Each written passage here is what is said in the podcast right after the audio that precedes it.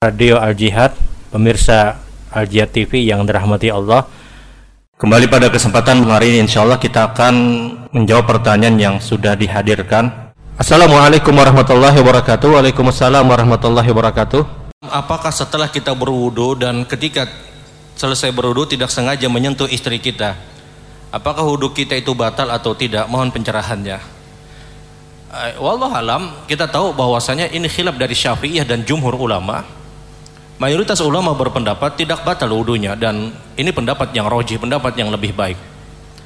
Pendapat yang menyebutkan bahwasanya batal seorang suami ketika selesai berwudhu dia menyentuh istrinya sengaja ataupun tidak sengaja memahami ayat firman Al-Qur'an pernyataan Allah Subhanahu wa taala ya ayyuhalladzina amanu idza kumtum ila shalah faghsilu wujuhakum wa aydiyakum ilal marafiq wamsahu bi ru'usikum wa arjulakum ilal ka'bain wa in kuntum junuban fattahharu wa in kuntum marda aw ala safarin aw jaa ahadum minkum minal ghaid aw lamastumun nisa. Falam tajidu ma'an fatayammamu sa'idan thayyiban famsahu bi wujuhikum wa aydikum min Al-Maidah ini ayat uh, surat Al-Maidah yang menjelaskan tentang toharo ini ini yang dijadikan khilaf. Apakah seorang suami yang menyentuh istrinya batal wudunya atau tidak? Sebahagian ulama menyebutkan khususnya mazhab Syafi'iyah menyebutkan batal wudunya. Karena ada kalimat aula mastumun nisa. Di antara hal-hal yang membatalkan toharahnya dia adalah la mastumun nisa. Dia menyentuh seorang istri, seorang perempuan, mahramnya dia. Dia menyentuh lamas tumun nisa. Dalam bahasa Arab kalimat lamas adalah sentuhan. Sentuhan yang halus dalam bahasa Arab. Seorang yang menyentuh istrinya dikatakan batal menurut firman Allah tadi. Dan ini yang dibawa oleh Syafi'iyah sehingga muncullah pendapat kalau ada orang yang menyentuh istrinya selesai berwudu maka batalah wudu orang ini. Akan tetapi jumhur ulama menyebutkan tidak batal. Kenapa? Karena tafsir ayat aula mastumun nisa itu ditafsirkan oleh seorang Abdullah ibnu Abbas. Dimaksud aula mastumun nisa itu bukan menyentuh tapi mohon maaf jima dia berhubungan. Ini yang membatalkan toharoh dia. Ini yang membatalkan toharohnya dia.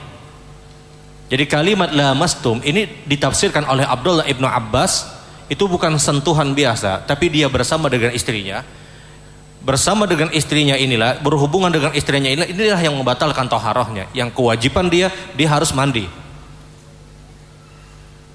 Jadi ada yang menafsirkan kalimat la mastum itu sentuhan ada yang menafsirkan la mastum itu adalah berhubungan. Dan mau tidak mau kita tahu bahwasanya tafsir Abdullah ibnu Abbas itu tafsir terbaik.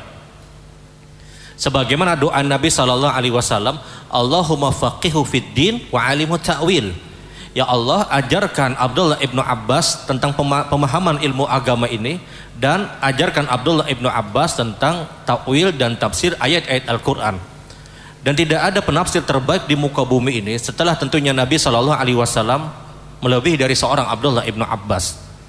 Bahkan kelasnya Aisyah radhiyallahu taala anha istri Nabi Shallallahu Alaihi Wasallam itu sering bertanya kepada Abdullah ibnu Abbas berkaitan dengan ayat-ayat Al-Quran. Mayoritas sahabat itu kalau mereka tidak tahu makna dari ayat Al-Quran mereka tanya kepada Abdullah ibnu Abbas. Abdullah ibnu Abbas menafsirkan lamas tumun nisa itu bukan sentuhan tapi dia berhubungan. Sehingga jumur ulama pun berpendapat seorang suami yang menyentuh istrinya setelah berwudu apakah batal tidak?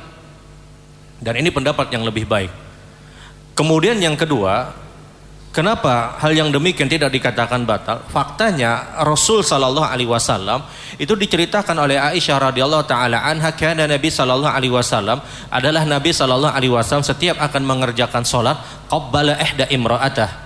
Nabi sering mencium salah satu istri dari istri-istri Rasul Shallallahu Alaihi Wasallam kata Abdullah kata Aisyah radhiyallahu taala anha. Maka istri-istri sahabat pun berkata, siapa lagi bukan engkau wahai Aisyah? Yang sering dicium oleh Nabi Shallallahu Alaihi Wasallam. Fadhahikatu Aisyah maka kemudian Aisyah pun tertawa. Jadi Aisyah sidin hendak minta tangguh. Jar Aisyah, ikam tahulah. Nabi itu kalau hendak sholat selesai berudu beliau cium salah satu istri-istri beliau. Kata istri-istri sahabat, siapa lagi kalau bukan engkau wahai Aisyah? Hanyar sidin tertawa, hanyar sidin tertawa. Dan ini gambaran sekali lagi. Jadi pian mbah tuntung budu, pian boleh Serapian boleh, pada boleh aja. Secara hukum tidak membatalkan wudhu sebagaimana apa yang terjadi pada Nabi Shallallahu Alaihi Wasallam. Begitu juga ketika ada dalam hadis Aisyah itu cerita, faqattu Nabi sallallahu alaihi wasallam ehda faqattu Nabi sallallahu alaihi wasallam. Satu malam kata Aisyah saya ini kehilangan Rasul. Maka ketika itu saya cari di mana Nabi dan saya dapatkan Rasul dalam keadaan sujud dan saya pegang kedua tumit Nabi ketika itu Nabi sedang dalam keadaan sujud. Ini dalil kata para ulama, Nabi ketika itu sedang sholat, dicari Aisyah, kemudian disentuh oleh Aisyah, apa yang dilakukan Nabi? Beliau teruskan sholatnya. Kalaulah seandainya wudhu itu batal, maka sholatnya pun akan batal.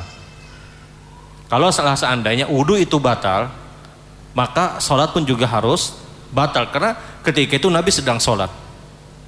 Nah dalil-dalil inilah yang dibangun oleh jumhur ulama, sehingga menyatakan bahwasanya seorang laki-laki disentuh oleh istrinya setelah berwudhu, atau seorang suami menyentuh istrinya sengaja atau tidak sengaja sekalipun tidak membatalkan wudhu.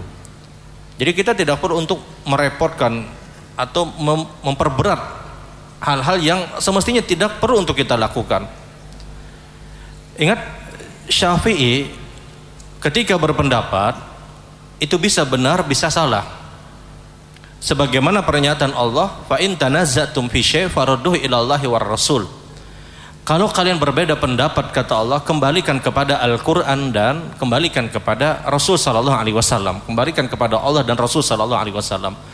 Allah tidak pernah sebutkan kembalikan kepada Malik, Abu Hanifah, Syafi'i ataupun Ahmad, tapi kembalikan kepada dalil.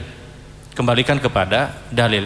Dan Imam Malik pernah menyebutkan semua orang itu bisa salah dan bisa benar. Semua perkataan itu bisa diterima dan bisa ditolak kata beliau. Tapi perkataan yang tidak bisa ditolak adalah sahibu hadal qabr. Orang yang ada di kubur ini kata Imam Malik menunjuk kuburnya Nabi Shallallahu Alaihi Wasallam ini tidak pernah salah kata Imam Malik. Artinya Imam Mazhab ketika mungkin terjadi perbedaan itu wajar biasa. Bahkan kita tahu Imam Syafi'i punya qaul qadim dan qaul jadid, pendapat lama dan pendapat baru. Sehingga kalau tidak serta merta Syafi'iyah itu mutlak harus benar tidak. Sebagaimana Malikiyah tidak mutlak harus benar.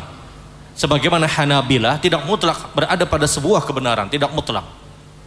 Semua empat imam mazhab itu pasti pernah punya kesalahan di dalam berpendapat. Empat imam mazhab ini sepakat, kalau pendapat kami itu salah, maka lemparkan ke tembok. Jangan dianggap kata empat imam mazhab ini. Jangan kalian anggap, jangan kalian ambil kalau itu salah. Imam Malik, Abu Hanifah, Syafi'i dan Ahmad itu pernah punya kesalahan Imam Malik itu pernah punya kesalahan kapan? Ketika beliau berpendapat babul khiyar ketika melakukan transaksi jual beli.